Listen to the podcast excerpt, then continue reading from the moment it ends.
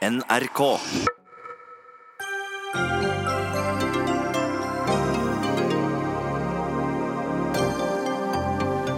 Griser kastreres uten bedøvelse. Hylende dyr med dype kjøttsår dras rundt etter ørene. Sjokkert landbruksminister varsler oppvask etter NRK-dokumentaren. Politikerne skjønner ikke hva som foregår, raser Dyrevernalliansen. Norges Bank hevet nok en gang styringsrenten, mens EU og USA antakelig gjør det motsatte. Dette blir rarere og rarere, sier sjeføkonom.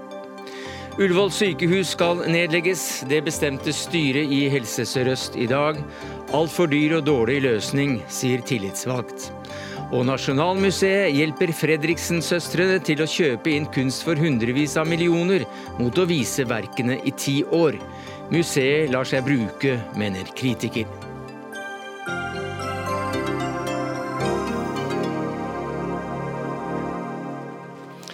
Ja, Det er noen av sakene i Dagsnytt 18 denne torsdagen, der vi også får høre at mediene gjemmer bort de viktigste sakene, ifølge 17-årig skribent.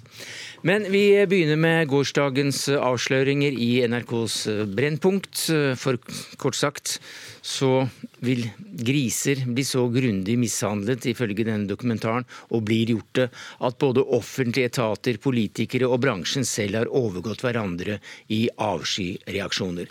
Og Live Kleveland, du er kommunikasjonsleder i Dyrevernalliansen. Hva er din reaksjon på det vi så?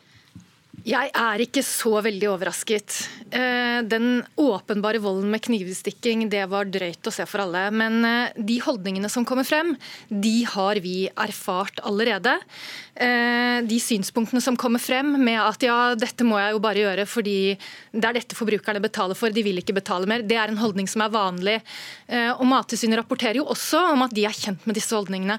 Så Dyrevernalliansen er opptatt av at vi nå ser på årsaken til problemet, heller enn enn å legge skyld på, på bøndene mm. som utfører volden. Men politikerne er sjokkert? De er sjokkert, og det sjokkerer nesten meg. Eh, fordi dette syns jeg det er rart at ikke de har eh, fått med seg at det er veldig stram økonomi i svinenæringen. Eh, og Vi mener derfor at det er på tide å si sannheten. Det er eh, på tide at eh, støtteoverføringene fra det offentlige til svinenæringen blir vridd, slik at man får et fokus på dyrevelferd. Det går over 700 millioner kroner av fellesskapets penger hvert år til svinenæringen. Ikke én eneste krone er øremerket til dyrevelferd. Dette må endres. Støtteordningene må vris, slik at bonden belønnes for bedre dyrevelferd. At vi får inn et element av motivasjon hos bonden kronen for å gi dyrene bedre dyrevelferd. I tillegg til det så må alle forbrukere innse at prisen for svinekjøtt i dag er kunstig lav. Prisen må opp, og produksjonen den må ned. Den må reduseres. Bollestad, du er landbruks- og matminister. Du representerer også KrF. Og du har varslet en oppvask. Det så vi i Dagsrevyen i går. Hva slags styrke på luten vil du bruke? Uh, vi skal kalle inn, eller har kalt inn til møte på onsdag, uh, der en vil ha både de ulike typer tilsyn som Mattilsynet, Nortura kommer der.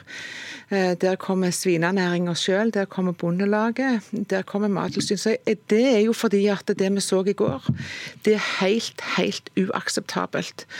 Og jeg kan være enig i at Eh, vi i Norge fortjener å betale for maten vår, og en kortreist mat, og en mat som skal være både skikkelig tilberedt i forhold til sånn den er på gården.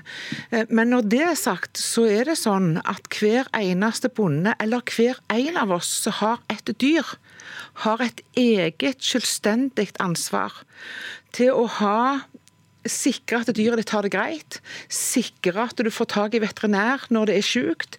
Sikre at du driver god dyrevelferd, sikre det som mm. loven eh, eh, bidrar med. Og da tenker jeg, for meg, det som jeg syns var det verste i går, det var at det ble sagt at vi vet dette er loven, men vi gjør det likevel. Men du hører her at Dyrevernalliansen er sjokkert over at du er sjokkert, for dette burde du jammen vite? Nei, men hør, Vi har altså hatt dyrevelferdsprogrammer. Vi hadde et intensivt eh, tilsyn, spesielt med grisenæringa, eller svinenæringa. Fordi etter 2016 så kom det ganske mange eh, eh, avviksmeldinger inn, eller varsler inn til Mattilsynet, som gjorde at de fikk en spesiell oppgave. Og det var å gå ut og sjekke svinenæringen over hele landet. Og da så de her er det veldig mange mm. avvik. Og så, så, så, så Norunn Haugers uh, dokumentar her, uh, den er også fra 2016, og ting har skjedd etter det, så det er blitt mye bedre? Det, har, det som er problemet, er at fortsatt belønner norsk landbrukspolitikk intens produksjon, hvor man belønner høyt volum, altså produksjon av masse kjøtt, på kortest mulig tid.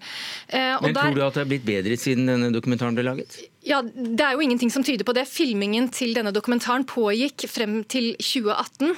Eh, sånn at eh, de opptakene som eh, produsentene, altså NRK og filmselskapet, sitter på, viser det samme ifølge dem frem til 2018. Så vi har ikke noen grunn til å tro at det skulle ha blitt bedre at ikke denne dokumentaren viser sannheten. Vi må forholde oss til at denne dokumentaren viser sannheten, og så må vi tenke hvordan kan vi fra nå av stake ut en ny kurs. Og det er det på tide å gjøre. Mm. I Vesten spiser vi enorme mengder kjøtt. Vi sier ikke i Dyrevernalliansen at man skal slutte å spise kjøtt. Men konsumet konsumet må nok reduseres. fordi skal man produsere så store mengder kjøtt til en så billig pris som det som skjer i dag, så mm. er det ikke penger igjen til dyrevelferden. Og dyrene får ikke den velferden som de trenger. Man må tenke annerledes, ifølge Dyrevernalliansen. Nils Kristen Sandtrøen, du er stortingsrepresentant for Arbeiderpartiet, næringspolitisk talsperson. Landbrukspolitisk. Landbrukspolitisk talsperson. Eh, hva er eh, løsningen deres? For dere kritiserer også regjeringens matvarepolitikk i dag. Vi har i hvert fall påpekt at uh, i fjor vår, altså våren 2018, så la vi fram uh, vår uh, nye plan for hvordan matproduksjonen og jordbruket i Norge skal fungere framover. Ja, og nå må vi snevre det inn til ja, denne griseproduksjonen. Og dy dyrevelferd er et av hovedmålene våre. Så det er klart at framover så må vi forsterke og forbedre politikken med grunnlag i at dyr skal ha det bra. Det er et absolutt krav. Og så er det riktig, som eh, landbruksministeren sier, at det fritar ikke den enkelte bonden for ansvaret. For i går så, så vi grove lovbrudd. Men hva, Men, hva er, kritikken deres nei, det, mot regjeringens nei, politikk? Det som er uh, mitt poeng, det er at når vi nå ser at vi har utfordringer og åpenbare ting vi kan forbedre, så vil jeg gjerne invitere landbruksministeren til en åpen og ærlig debatt de neste åra. Hva er de viktigste prioriteringene? Og da tenker jeg todelt. For det første så er det helt åpenbart at en av de viktigste argumentene for hvorfor vi har et uh, bærekraftig landbruk i Norge, er fordi at vi utnytter de ressursene vi har rundt omkring i landet vårt. Det er grunnlaget. Og I forlengelsen av det så må vi sørge for at vi har dyr spredt. Men Er, er dette kritikken mot eh, regjeringen?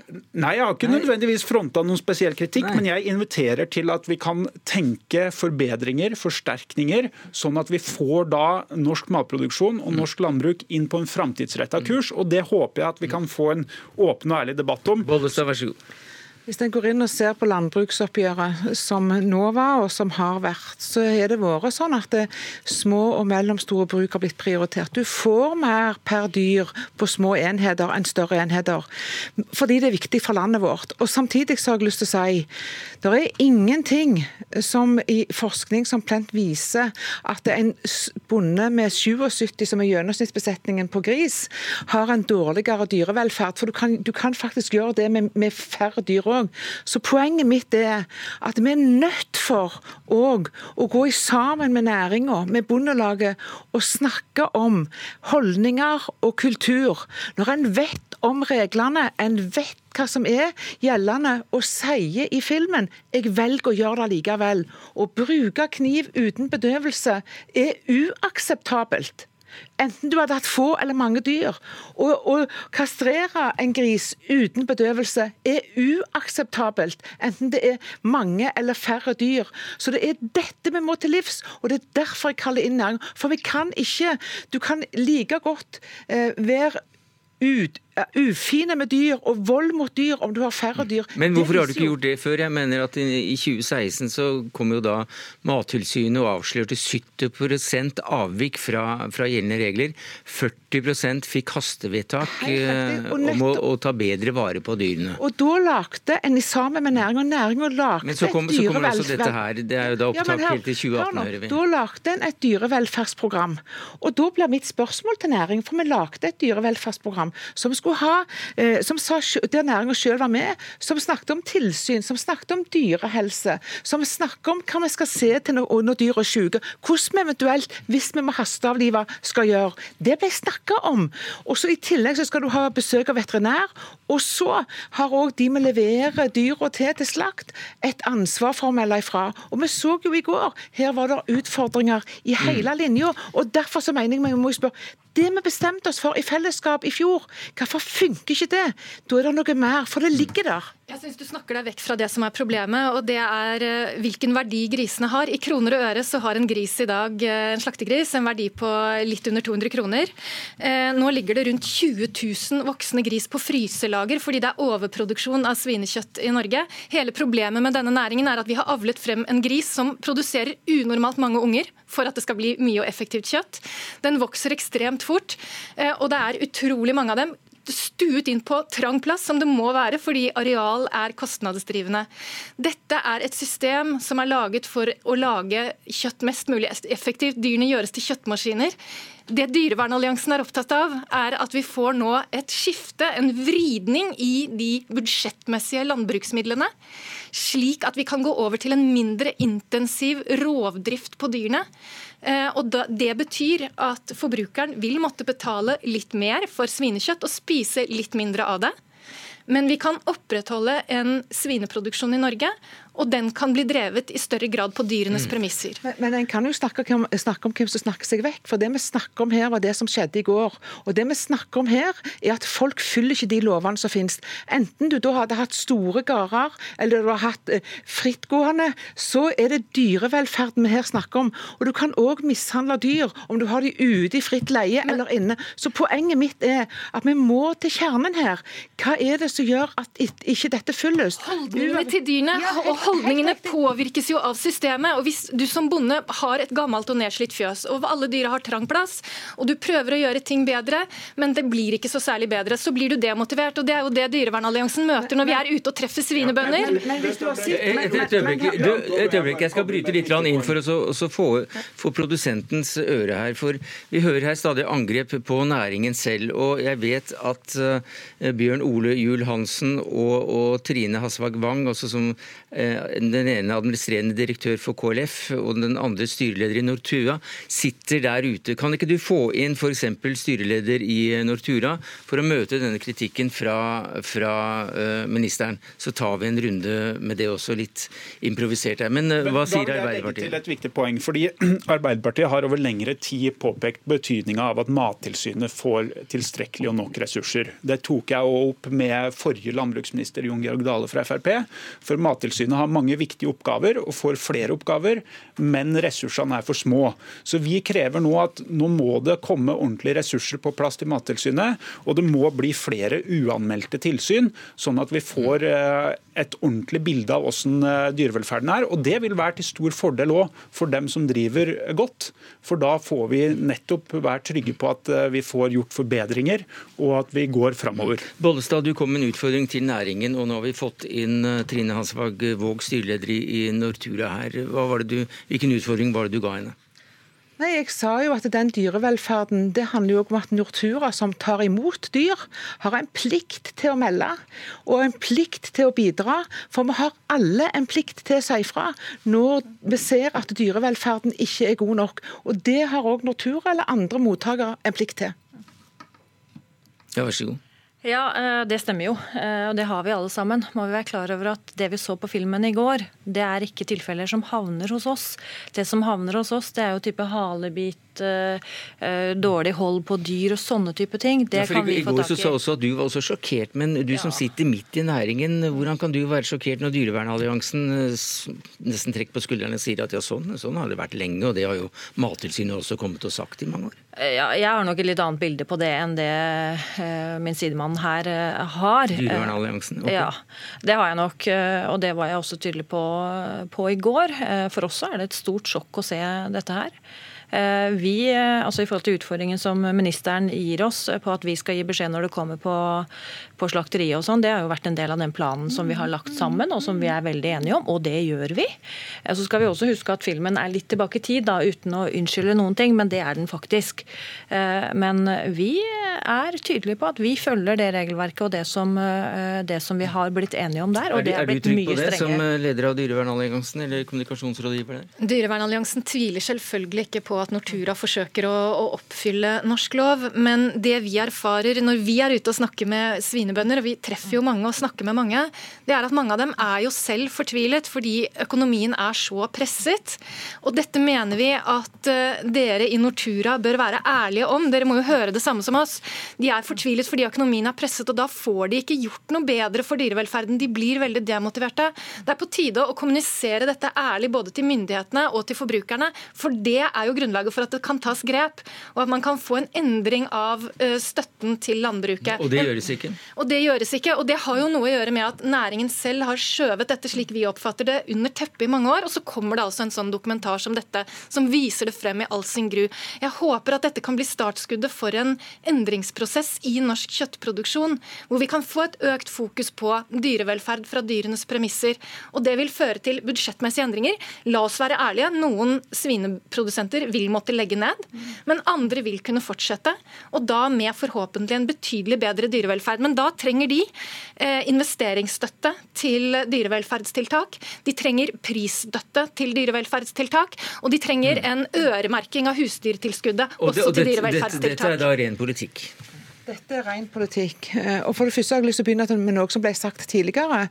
At en trang å investere, en trenger nyere bygg. Er det noe som har vært fokus på de siste år, så er det akkurat muligheten for å investere. Både til små og større bruk. Det ligger òg i avtalen. Det er jo sånn at vi får til en avtale i fellesskap. Det er ikke noe vi tvinger inn, men vi får det, får det til i fellesskap.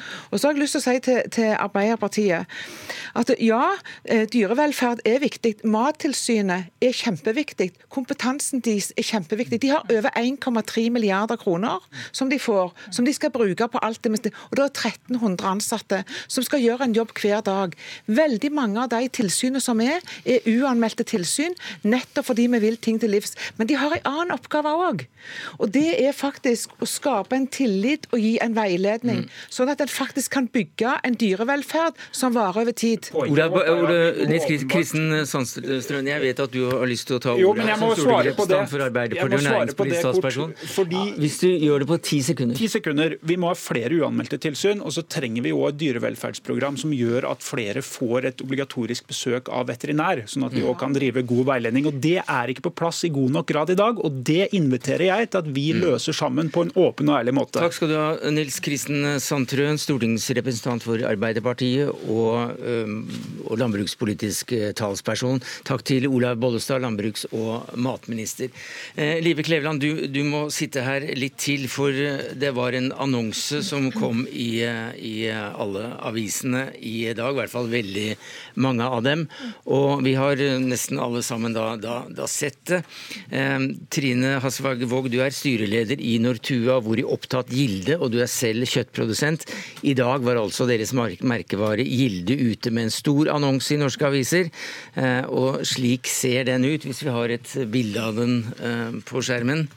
Eh, den kommer der. Eh, Live Kleveland, hva syns du om denne annonsen? Jeg syns det er pinlig at penger blir brukt på denne type reklame, i hvert fall en dag som i dag. Disse pengene kunne ha blitt brukt på dyrevelferdstiltak, så dette er rett og slett litt usmakelig. Tror jeg mange forbrukere vil oppleve det som. Uh, det er jo fint om eh, Gilde og Nortura faktisk bruker ressurser på dyrevelferd. Det vil dere antagelig måtte gjøre i større grad fremover enn dere har gjort frem til nå. Bl.a. pga. denne dokumentaren. Men jeg tror at mange forbrukere de opplever denne reklamen i dag rett og slett som støtende, når vi har sett på NRK de grove avsløringene av eh, lovbrudd hos Nortura-bønder. Dere har selv politianmeldt en av produsentene deres. Da må vi si takk til eh, deg, eh, Live Kleveland, eh, fra Dyrealliansen. Trine Hasvag Våg, Du var ikke bedt for å kommentere akkurat det utspillet der, men du kan godt gjøre det allikevel. Hva... Det må jeg nesten få lov til. Ja. Det er jo relativt hard skitt. Jo, men det blir ikke debatt, så hvis du begynner å debattere den, så ber jeg hun komme tilbake. Men vi har valgt å bruke denne reklamen i dag, og vi har fått mye reaksjoner på det, og det forstår vi. Eh, grunnen til at vi velger å gjøre det, det er for at for oss så er dette her som ble vist i går, og som vi har visst en stund. For jeg har ikke sett filmen før i går, jeg heller. Men dog, det er så brutalt, det er så alvorlig. For oss er det en tidsregning før og etter det brennpunktet. Hvor skadelig er denne saken for svineprodusenter? Det er et tillitsbrudd fra næringas side.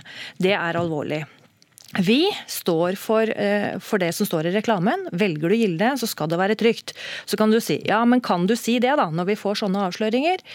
Det vi kan være tydelige på, det er at vi har klare rutiner og holdninger, og ikke minst det får konsekvenser. Hvis vi finner sånne avvik, så skal det ikke inn i Gilde-porteføljen. Det er viktig for oss at vi kan garantere til forbrukeren. Ja, for, for, for, for, din egen kommunikasjonsdirektør sier til oss at det bare er Nortura som nå forsøker å rydde opp. Hva mener dere med det? Eh, vi rydder for egen dør, og så får andre svare for seg. Men nå er det sånn at etter gårsdagens dokumentar så har vi fått eh, Alle tror at det er kun Nortura som driver med svinn i Norge, det er det jo ikke.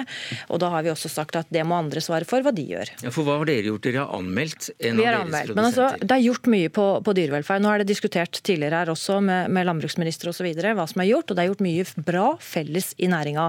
I tillegg til det dyrevelferdsprogrammet og det som det ble referert til, eh, så er det jo litt sånn tidsakse akse osv. her. Men i tillegg til det så har vi gjort andre tiltak. Blant annet så valgte vi å eh, anmelde denne produsenten, som er vår. Til til politiet og Mattilsynet. Mattilsynet er mer rutine, politiet er første gangen vi har gjort. Av de tolv som da ble um, fokusert på i gårsdagens uh, dokumentar, mm. så var en av disse produsentene uh, deres. En av de alvorlige var ja, vår. Ja. Mens uh, KLF, Kjøtt- og fjørfebransjens landsforbund, hvor mange av de tolv organiserer dere? Det var fem av de sju som vi så. Eh, så jeg, eh, resten, for å si det sånn. Og dere har ikke anmeldt noen, bortsett fra til Mattilsynet? Vi har ikke anmeldt noen. Nei. Hvorfor ikke det? Eh, det er, dette er film som er tatt fram til 2016. Det er det vi har fått vite hele tiden. Og da er det to ting. Etter den tida så har vi satt i gang dette programmet i hele bransjen for hvordan vi rydder opp. Så tingene er i orden nå? Det er det du nei, sier? Det, det, er ikke, det nødvendig det er ikke det jeg, å anmelde? Jeg skal kjøre ferdig resonnementet. Så uh, vi har et program der vi er i ferd med å rydde opp. Vi har vært hos to landbruksministre før og fortalt om programmet og framdrift. Så det er i progress. Uh, og da, da er det sånn at slakteriene våre de er de viktigste rådgiverne for at de bøndene skal bli gode. Og da å starte med å anmelde er vanskelig. Det er bedre nå at de, de får bruke den eh, kompetansen sin til å rådgi bøndene. Men dette er, dette er direkte ulovligheter? Eh, disse ulovlighetene, og det er det andre poenget, disse ulovlighetene er nå kjent for alle. Mattilsynet er kjent med dem. Eh, ikke minst de som har tatt opp filmen er kjent med dem. Det ble sagt i, i, filmen at man ikke anmeldte fordi man var redd for å blåse sitt undercover. Det er nå borte. Det er nå, uh, vi vet ikke på hvilken datoer og hvilke tidspunkter disse uh, overgrepene skjedde, men vi har altså et tidsvitne som faktisk var til stede.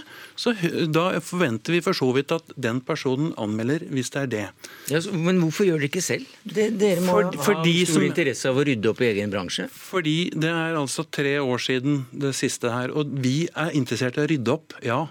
Og det er de bøndene som, uh, som, er i bransjen nå, også noen av disse, de har nå kommet inn i dette programmet.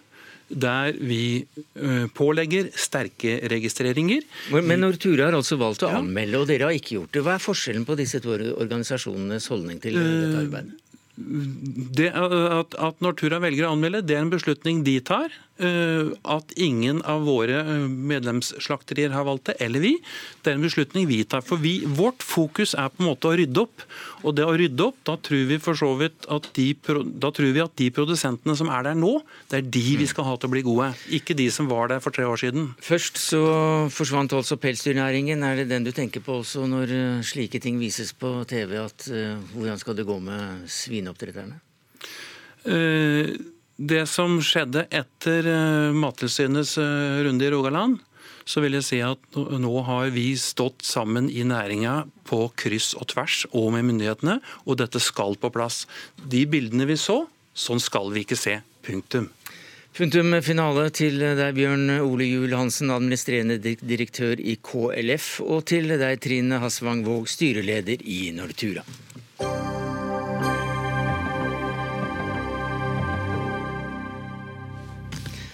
I dag hevet eh, Norges Bank styringsrenten med nye 0,25 prosentpoeng. Og hvorfor i all verden gjorde de det, Cecilie Lange med Becker, du er økonomikommentator i NRK? Ja, Den korte historien er vel at det går godt i norsk økonomi. Arbeidsledigheten er lav og prisveksten er solid. Og Det er også grunnet til at han i dag sa at, eh, det, at Norges Bank sa at det kommer en renteheving til også over sommeren. Hvorfor er det lurt? Ja, Om det er lurt eller ikke, det tror jeg du får spørre de ja, andre, andre men, damene men, men, men hva, hva, hva, var begrunnelsen hans?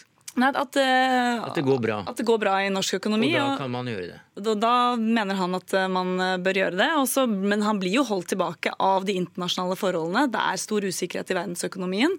Uh, Bl.a. Uh, denne handelskrigen mellom USA og Kina. Og også stor usikkerhet rundt brexit. Hva er egentlig en styringsrente, vi som ikke husker tilbake lenger enn nesten et kvartal? Ja, sånn Rent teknisk så er det jo den renten som bankene får på sine innskudd i Norges Bank. Eh, men eh, det er også Norges, Norges Banks viktigste eh, virkemiddel for å stabilisere prisvekst, og også utviklingen i norsk økonomi. Kari Due Andresen, du er sjeføkonom i Handelsbanken Capital Markets. Hadde Norges Bank trengt å heve renten?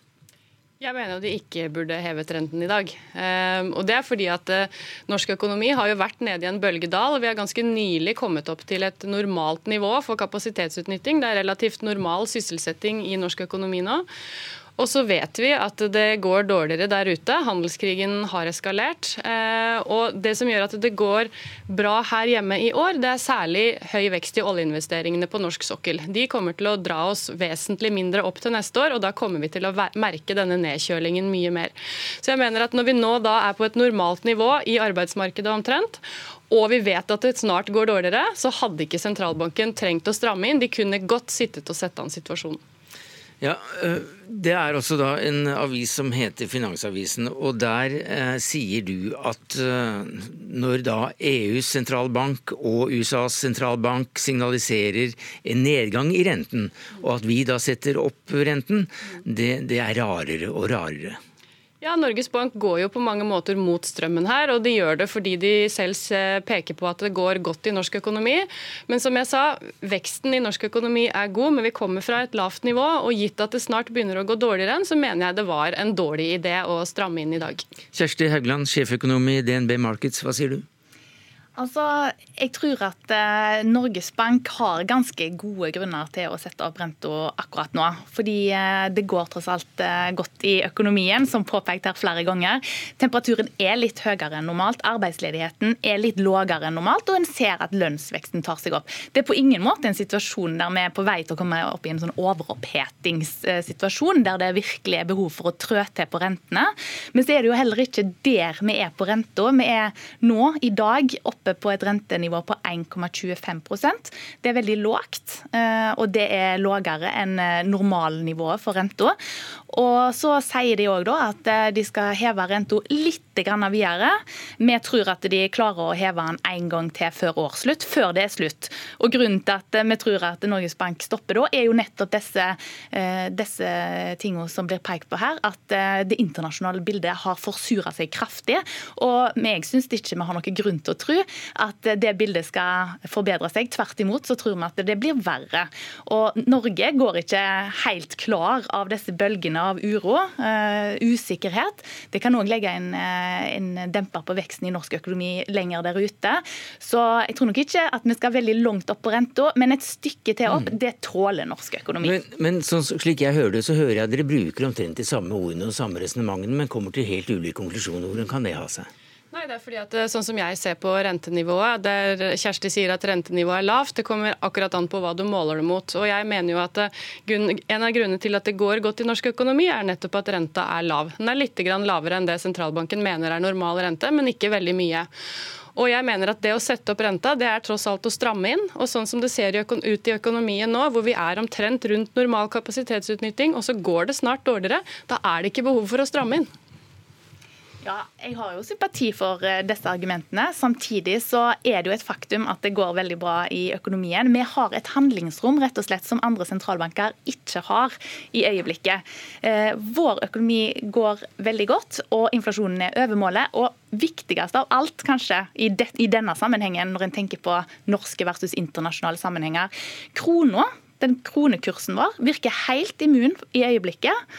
Kanskje ikke akkurat i dag, men han virker over tid nå helt immun for nettopp det at eh, vi er såpass mye høyere på renta enn i Europa. For vanligvis da, i situasjoner hvis Norges Bank går solo oppover på renta, mens andre, andre f.eks. er i kuttmodus, så har det ført oss opp i situasjoner der mm. kronekursen har styrka seg veldig. Og det har norske bedrifter. Da har de fått problemer, og prisutsiktene våre har blitt svekka. Men er det da slik at man kan øke eh, styringsrenten i oppgangstider for å ha et virkemiddel i nedgangstider? da? Elendig sentralbankpolitikk, ville jeg sagt. Jo, jeg er ikke sentralbanksjef heller, så det tar vi helt med ro. Jeg mener Men... jo at akkurat i denne situasjonen, da, jeg, jeg mener at i veldig mange situasjoner så er det en dårlig idé. For en økonomi som viser svakhetstegn, eh, så er det veldig, en veldig dårlig idé å begynne å stramme til bare for å ha krutt i dårligere tider. Men akkurat akkurat i denne situasjonen, når vi har en faktor som oljeinvesteringene er nå, vi har en mini-oljeboom i norsk økonomi, den kommer ikke til å vare for evig, langt ifra, men vi har den nå, mm. så kan det faktisk være et poeng at eh, nå når vi har sjansen, så kan vi komme litt lenger opp på rentenivået, så lenge ikke det virkelig eh, rammer økonomien vår. Og det tror jeg ikke det gjør i dagens situasjon. Cecilie Langum Becker, hva med folk som har lån? Ja, De kommer jo selvfølgelig til å bli påvirket av dette her. Hvor mye hvis jeg har lånt eh, fem millioner? Ja, altså Hvis du har lånt eh, fem millioner kroner Hvis du tenker på dagens, eh, dagens renteoppgang, så blir det jo eh, på, altså på én renteheving så må du ut med omtrent 12 000-13 000 kroner mer i året i renteutgifter. Så det blir, jo en, det, blir jo, det blir jo en del. Og når man da tar alle de tre rentehevingene vi har hatt, så blir det jo enda mer. Sånn det kommer til å, svi for en del av oss, eh, helt klart. Ja, hvem er det som merker, vil merke dette best? Altså, De aller fleste av oss kommer til å ha god økonomi også fremover, også når vi tar med rentene. Både fordi eh, lønnsveksten er høy og arbeidsledigheten er lav. Og rentene er jo, som Kjersti også er inne på her, de er jo historisk eh, lave. Men for en, eh, for en del så har man jo levd med, med lave renter i ti år, og på de ti årene så er det jo 300 000 nordmenn som har kjøpt bolig for aller første gang. De har aldri opplevd noe annet enn en unormalt lave renter. Så er litt her bekymringen ligger også for sentralbanken. Hvordan disse kommer til å håndtere disse renteøkningene. Ja, akkurat når det gjelder boligpriser. Hvordan kan en slik renteheving, eller de tre vi har hatt, da påvirke boligprisene? Altså, dette året så har vi jo nå hatt en ganske sånn unormalt stabil og moderat boligprisutvikling, etter at vi har hatt en veldig høy, eh, en veldig høy boligprisvekst de, de, årene før. Så det er naturlig å se for seg at disse renteøkningene kommer til å legge en demper på, på boligmarkedet. Det store spørsmålet er jo hvor mye. Nordmenn har eh, rekordhøy gjeld, og slik at renten kan bidra til å dempe eh, boligmarkedet enda mer enn vi har sett ved tidligere renteoppganger. Men men hvis du ikke har lån, da? Hvordan kan en slik eh, renteheving eh, bidra til et, eh, et lettere liv? Altså Hvis du ikke har lån, og det betyr at du har penger til overs, og du da har penger i banken på vanlig bankinnskudd, så er det jo klart at eh, man får eh, mer eh, avkastning på de pengene. Men har man hatt penger i banken de siste årene, så har man ikke fått spesielt godt betalt hvis man sammenligner f.eks. med utviklingen i, i, aksjemarkedet. Men hva kan en slik renteovergang gjøre med, med den norske valutaen? Det er jo som Kjersti var inne på her, så Normalt sett så ville man jo sett at kronen hadde styrket seg på denne, denne renteoppgangen. Den styrket seg også litt i, i, dag, men den virker jo litt immun. og det er jo, eh, For mange så er dette litt det store spørsmålet. Og så er det også noen som mener at Norges Bank nå undervurderer den store, den store usikkerheten i verdensøkonomien. At man kan få en litt sånn ketsjup-effekt på kronen etter hvert. At den kommer til å eh, styrke seg. Når den først kommer i gang, så kan den styrke seg veldig mye. Og det er jo klart at, at norske eksportbedrifter f.eks. er vel er bekymret for det. Takk skal du ha, Cecilie Langum Becker, økonomikommentator i NRK. Takk til deg, Kari Due Andresen, sjeføkonom i Handelsbanken Capital Markets. Og til Kjersti Haugland, sjeføkonom i DNB Markets.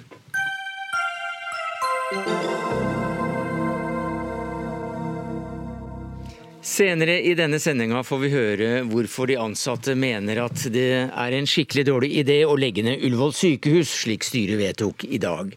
Hvorfor det er lurt, får vi neppe vite, for verken regjeringen eller Høyres stortingspolitikere, sykehusledelsen eller styret i Helse Sør-Øst kunne komme for å forsvare nedleggelsen. Men nå til en viktig etterlysning. Hvorfor må jeg bruke Google for å finne ut hva som skjer i Sudan? Hva er det som er så mye viktigere at det tar plassen i nettaviser? Jo, f.eks.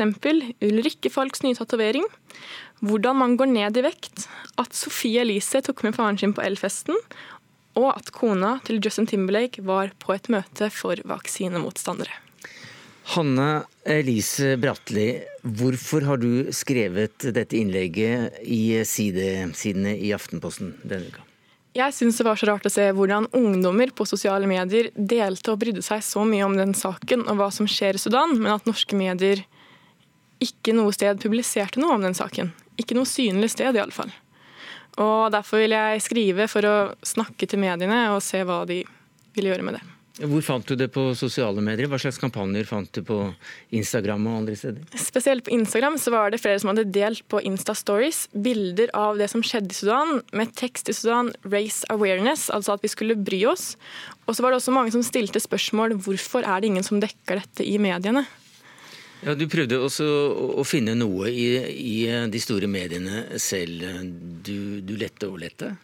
Ja, jeg eh, gikk inn på VG først, sjekka, bladde meg helt ned til bunnen. Det var ikke en eneste overskrift å se om Sudan. Men hvis jeg derimot søkte på Google, så kom det opp. Men det er jo ikke riktig at noe som skjer i verden, noe som er såpass viktig, da blir gjemt bort. For at folk skal se hva som skjer, så må det jo bli vist fram på forsidene. Helge Rønning, du er professor ved Institutt for medier og kommunikasjon ved Universitetet i Oslo, og vi kjenner deg her i Dagsnytt 18 spesielt som en mye brukt kommentator nettopp på afrikanske forhold. Du har bodd eh, lenge på kontinentet og jobbet der. Hva tenkte du da du leste dette innlegget fra Bratli? Jeg tenkte dette er jeg helt enig i. Aha.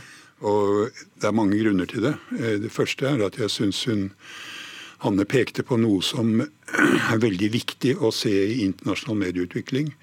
Og det er at ofte blir de internasjonale nyhetene, utenriksnyhetene, nedprioritert i forhold til det som man kan kalle sensasjonelle nyheter, eh, som ofte går på det kjendisstoff og slike ting.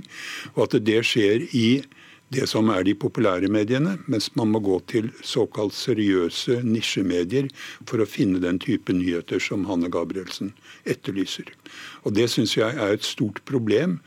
Det gjelder faktisk her i NRK også. Ja, Vi sitter vel i glasshus? Ja, dere gjør faktisk det. For hvis vi går på, til Dagsrevyen, så er det lite utenriksnyheter der. Og Det hun peker på, er jo at dette er spesielt tilfelle på det som du kan kalle nettavisenes nyhetsdiktning, som er veldig sånn innrettet på hvor mange klikk får du på de viktigste de sakene som angivelig skal være populære, og så går du lenger og lenger ned, så finner du ikke det som da er opplysende stoff om det som skjer i verden. Og Spesielt vil jeg nevne at siden hun tar fram det med Sudan, det var altså en stor massaker, og den fikk nesten ikke noe oppslag. Det tok lang tid før dette ble nevnt i norske utenriksnyheter. Ja, Vi hadde vel i Dagsnytt 18, bare for å pusse glorien litt. Men Helge Rønning, vi har jo forsøkt å få med VG og Dagbladet, som, du, som det, det, er de du vil først og fremst peke på i sidekronikken eh, eller artikkelen din i eh, Aftenposten Bratli. Men eh, de kunne ikke komme. Eh, Presseforbundet kunne heller ikke komme. Men hva er rett og slett årsaken til at det er slik? Og nå snakker jeg ikke som Afrika, Nei, til deg som afrikakjenning, men som medieprofessor. For det første så henger det sammen med den logikken som vi finner i nettmediene, som er knyttet veldig mye opp til klikk, som er en slags popularitetsmåler. Og som også er koblet opp mot selve finansieringsmodellen bak disse mediene, som går på at klikkene genererer også annonser. Så det er viktig, et veldig viktig element i det. Ja, det betyr at, er, at, folk ikke er så interessert i det, da, siden ikke de leser det? Eh, det kommer også an på hvordan du stabler, som det heter, disse sidene. ikke sant? Hvis de hadde stablet viktige nyheter la oss si det på toppen, så hadde det kanskje ført til at klikken også kom der. Fordi at dette har jo med hvorledes griper du uh, griper du uh, oppmerksomheten. Og oppmerksomheten gripes ofte hvor det kommer først. Akkurat som når du søker på Google så kommer, blir det faktisk slik at man betaler for å komme på toppen av Google-sidene. Og Dette er en del av denne logikken som finnes i disse mediene. For øvrig så snakker jeg aldri om sosiale medier. Alle medier er sosiale. Jeg foretrekker å kalle dem interpersonale medier, men det kan vi snakke om en annen gang. Ja, For vi kaller det sosiale medier, gjør vi ikke det, Bratli? Og, jo, det gjør vi. og, og du, har, du, har, skrevet om det. og Hvorfor tror du selv at det er slik? At, eh, at, du må til sosiale medier da, for å finne, lett finne stoff om eh, disse tingene som du mener er viktig? Det er jo et mye enklere sted. På sosiale medier så velger man jo selv hva man vil dele. Og her, der er det jo ikke det handler ikke i like stor grad om å få klikk for å få betaling. Da. De gjør det for noen visse influensere, men ikke for alle oss andre. Og for mine venner da, som delte disse innleggene om Sudan, så opplyste de meg om Sudan-krisen. Jeg hadde jo ikke hørt om det før jeg så disse innleggene på Sudan. Og da syns jeg det er veldig feil av de norske mediene å heller fokusere på uviktige ting, som kjendiser som gjør noe, eller influensere som gjør noe annet. Det er et veldig feil bilde i norske medier.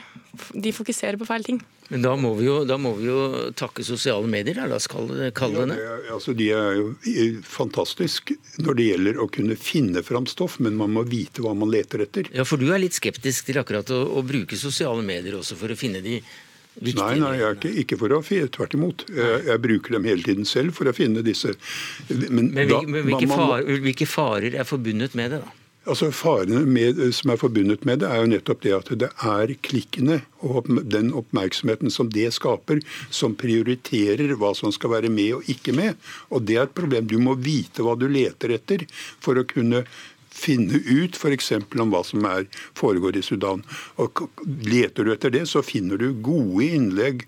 Og Jeg personlig for eksempel, abonnerer jo på masse sånn Afrikastoff som jeg får inn på spesielle sider. ikke sant? Men poenget her er at du må kunne vite det. Så hele den gamle opplysningstanken som lå i de store mediene, den er i ferd med å bli borte. Og det er alvorlig. Det er alvorlig. Eh, hva har du tenkt å bruke dette engasjementet til? Jeg ønsker jo at eh, vi skal få medier i Norge som fokuserer på det som er viktig. Og som opplyser oss om det som faktisk skjer, og putter det på forsiden, sånn at vi får det med oss. At uh, de gjør jobben sin. da. De ikke bare ønsker klikk, men at de også ønsker å opplyse oss. Og det er vel nettopp det å putte det på forsiden som er saken? Putte dem på forsiden, øverst på siden, ikke sant. Og vise hvordan dette fører til at det her er det noe som er viktig, og som kan interessere. Også utover den umiddelbare eh, Eh, nysgjerrigheten som kanskje det andre skaper. Tror du at dette ville forandre seg nå som uh, ungdommen blir eldre? Ja, altså man ser jo allerede det som på sosiale medier, at de har en stor makt. Og hvis mediene ikke etterfølger det som ungdommene ber om, så vil jo færre lese avisene etter hvert. Helge Rønning, professor ved Institutt for medier og kommunikasjon ved Universitetet i Oslo. Takk skal du ha. Hanne Elise Bratteli, student og skribent. Takk. Hør Dagsnytt 18 når du vil. Radio NRK Radio.nrk.no.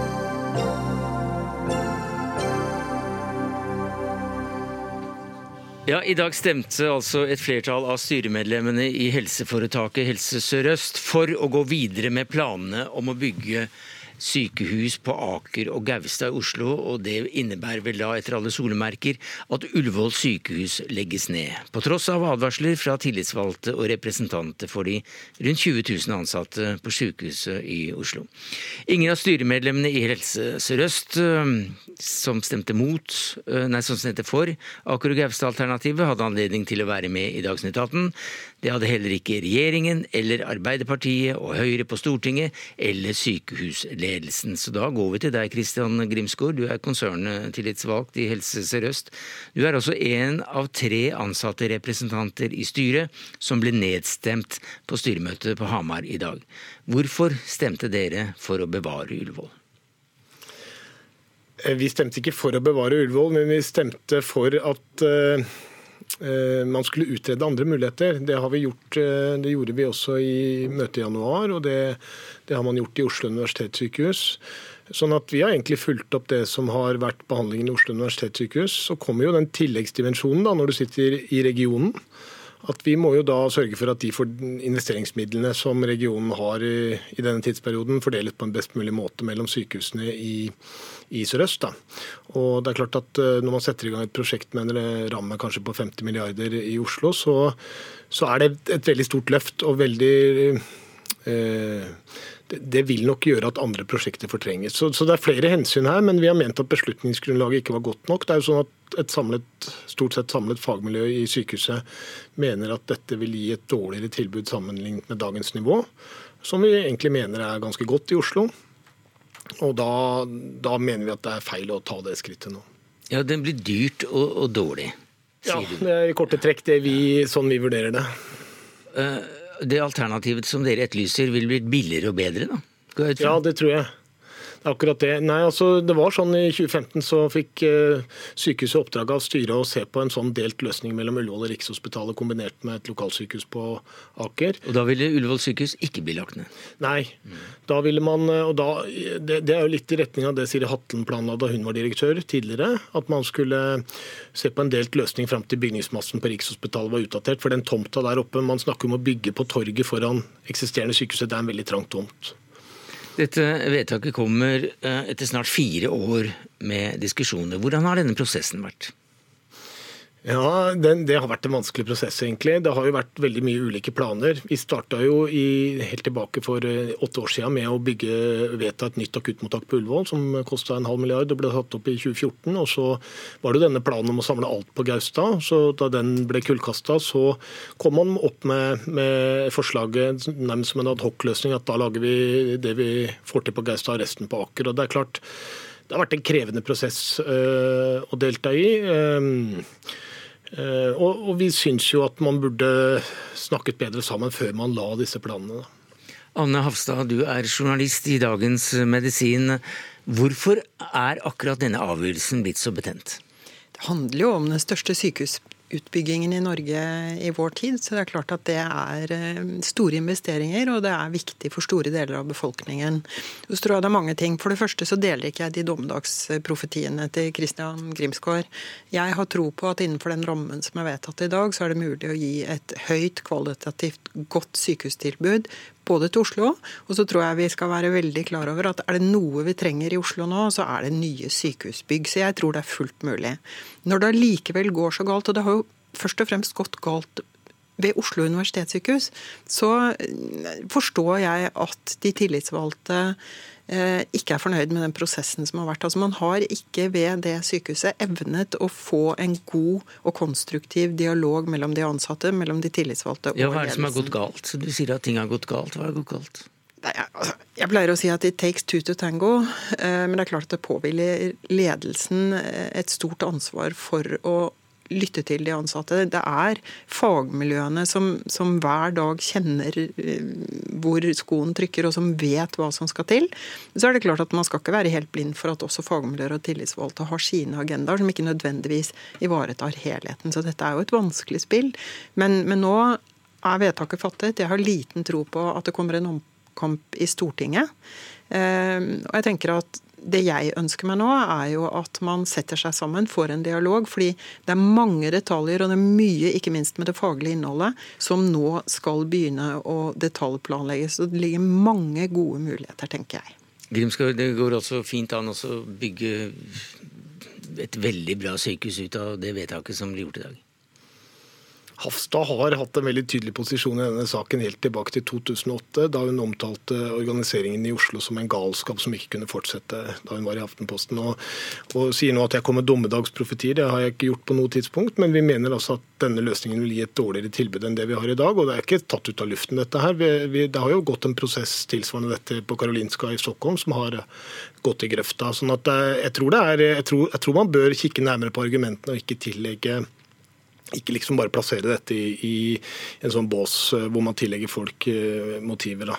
Men, eh, men det er helt opplagt at vi, at vi, kommer til å få et eh, Også med denne løsninga vil få et, et godt tilbud for store deler av pasientmassen vår. Men vi mener altså at det vil bli dårligere enn det vi har i dag.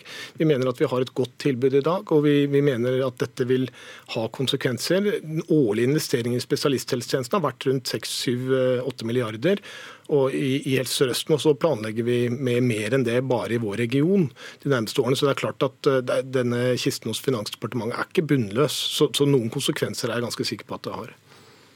Ja, det er jo interessant at jeg har hatt en posisjon siden 2008, for det er fullstendig ukjent for meg. Men jeg tror jeg er helt uinteressant i, i denne saken. Eh, Grimsgaard har helt rett i at det fins ingen Sareptas krukke, og det er jo nettopp derfor eh, økonomi blir et viktig element i dette.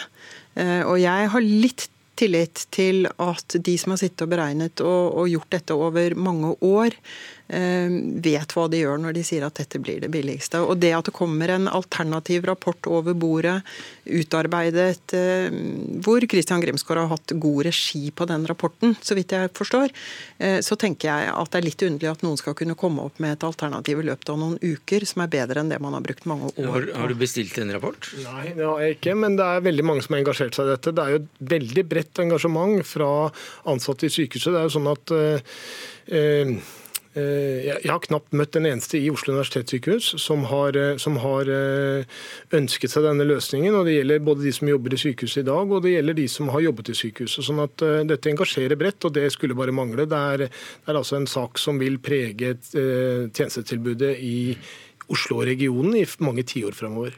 Takk skal du ha, Christian Grimsgaard, ortoped og tillitsvalgt ved Oslo universitetssykehus, konserntillitsvalgt for Akademikerne i Helse Sør-Øst, til Anne Hafstad, journalist i Dagens Medisin.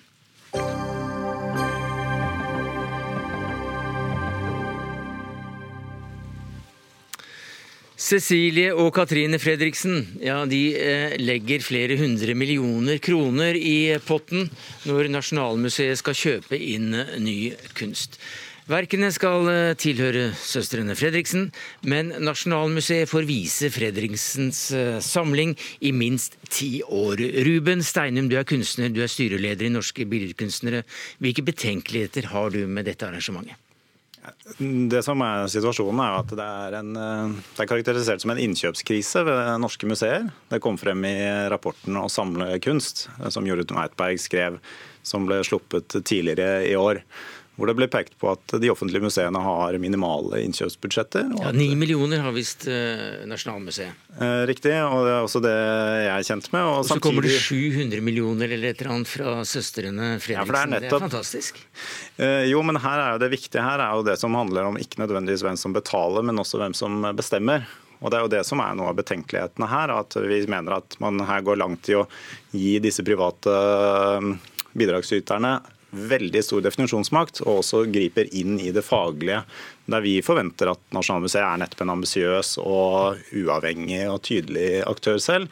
Men det er jo det som snakkes om, nettopp samarbeid om innkjøp, hvor eierskapet ligger hos uh, Fredriksen-familien. Men da de offentlige ressursene og fagekspertisen brukes da for å bygge opp deres samling. Så, så, så, her, så, her, er det et samarbeid der, der, søstrene kommer med pengene, mens Nasjonalmuseet gir gode råd om hvilke bilder som da skal kjøpes inn for alle disse 100 millionene. Og eksponerer de og gir de synlighet. Og Dette er noe publikum vi sikkert har glede av de, men jeg mener at man, være, at man ikke som Nasjonalmuseet i det hele tatt bør gå inn og bygge opp eh, andres samlinger, all den tid det er et behov for å bygge opp Nasjonalmuseets egen samling. Hva sier du til dette, Karin Hinsbo? Du er direktør i Nasjonalmuseet. Først og fremst så, øh, så, kan jeg bare rise opp hva det her samarbeidet går ut på.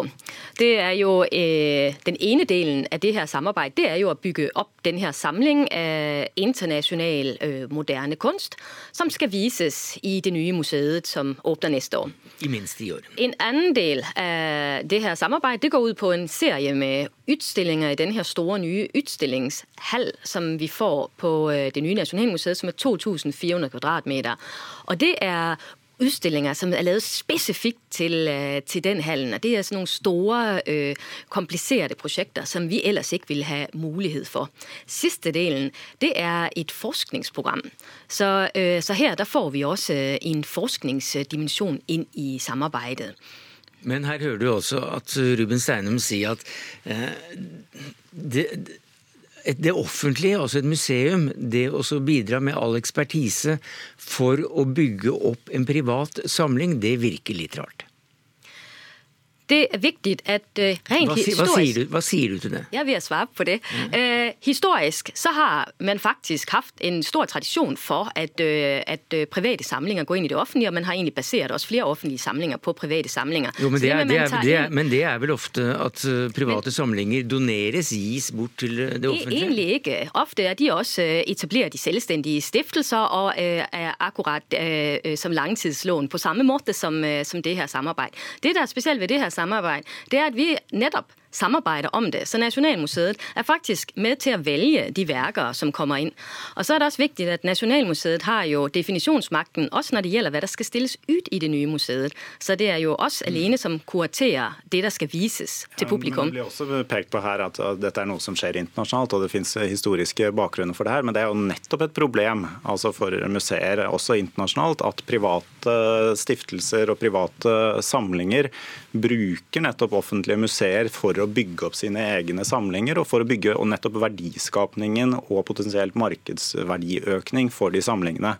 Og det, Når Nasjonalmuseet eh, i et sånt samarbeid som dette også gir den definisjonsmakten til å være med og bestemme hva det er der, så mener jeg at man har trådt eh, altfor langt inn i å bygge opp deres samling, og ikke den samlingen som jeg mener at Nasjonalmuseet må fokusere på, og som det også er påpekt at at har fått så lite fokus i forhold til disse private samlingene.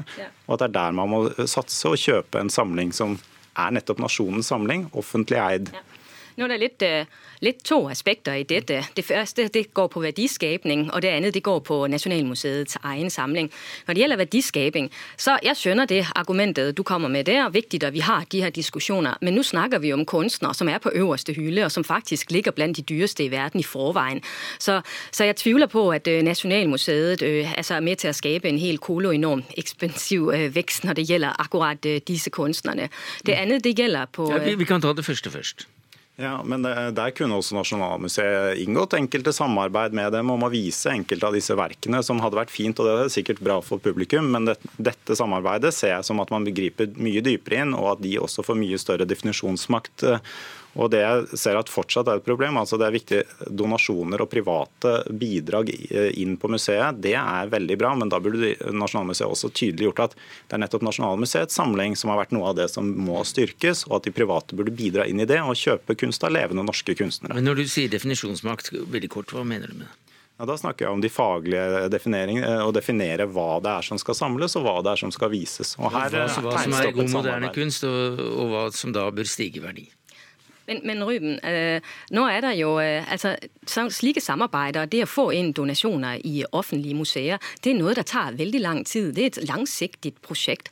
Og det vi har inngått her, det er jo i første omgang en avtale der omhandler ti år. Men både øh, Katrine og Cecilie Fredriksen og Nasjonalmuseet har jo lyst til å fortsette det her samarbeidet i lang tid fremover.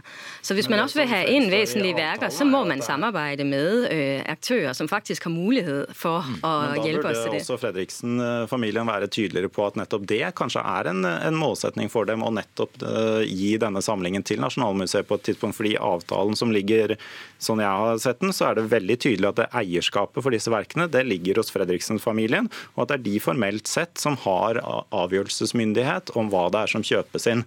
Og Det er det, det, som er poenget. Altså Hvis Fredriksen-familien går nå ut og sier ja, vi har faktisk et mål om at dette skal doneres til museet, da har vi en helt annen situasjon. Ja, Er det det de har? Men det er de har jo intensjoner som de har uttrykt veldig tydelig om at de gjerne vil være med i det her samarbeidet. Jo, jo, men, og, og, og, så, og, så donere, si- og så donere det til dere etterpå?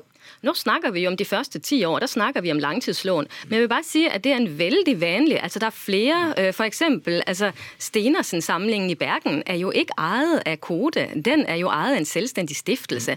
Så det med at, øh, at museene ikke eier verkene formelt, men har dem øh, teknisk sett som langtidslån, det er en vanlig modell i flere norske museer. Du, Vi må nesten høre helt kort til slutt, for tida går ut her. Eh, har de god smak, disse søstrene? Har du en sikker eh, Vi har brukt øh, to år på å utvikle dette, nettopp så vi var fullstendig enige om innholdet fra starten. Men hvis jeg til slutt bare kan få lov til å det, det svare på det med det, egen det har du dessverre ikke tid til, fordi at snart kommer, snart kommer. Dagsrevyen på, på TV, og da må vi være ferdig. Eh, ansvarlig for Dagsnytt 18 i dag, det var Ingebjørg Sæbø. Det tekniske ansvaret hadde Marianne Myrhold. Jeg heter Sverre Tom Radøy. Vi høres i morgen. Takk til Karen Hinsbo, direktør ved Nasjonalmuseet, og til Ruben Steinum, kunstner og styreleder i Norske Billedkunstnere.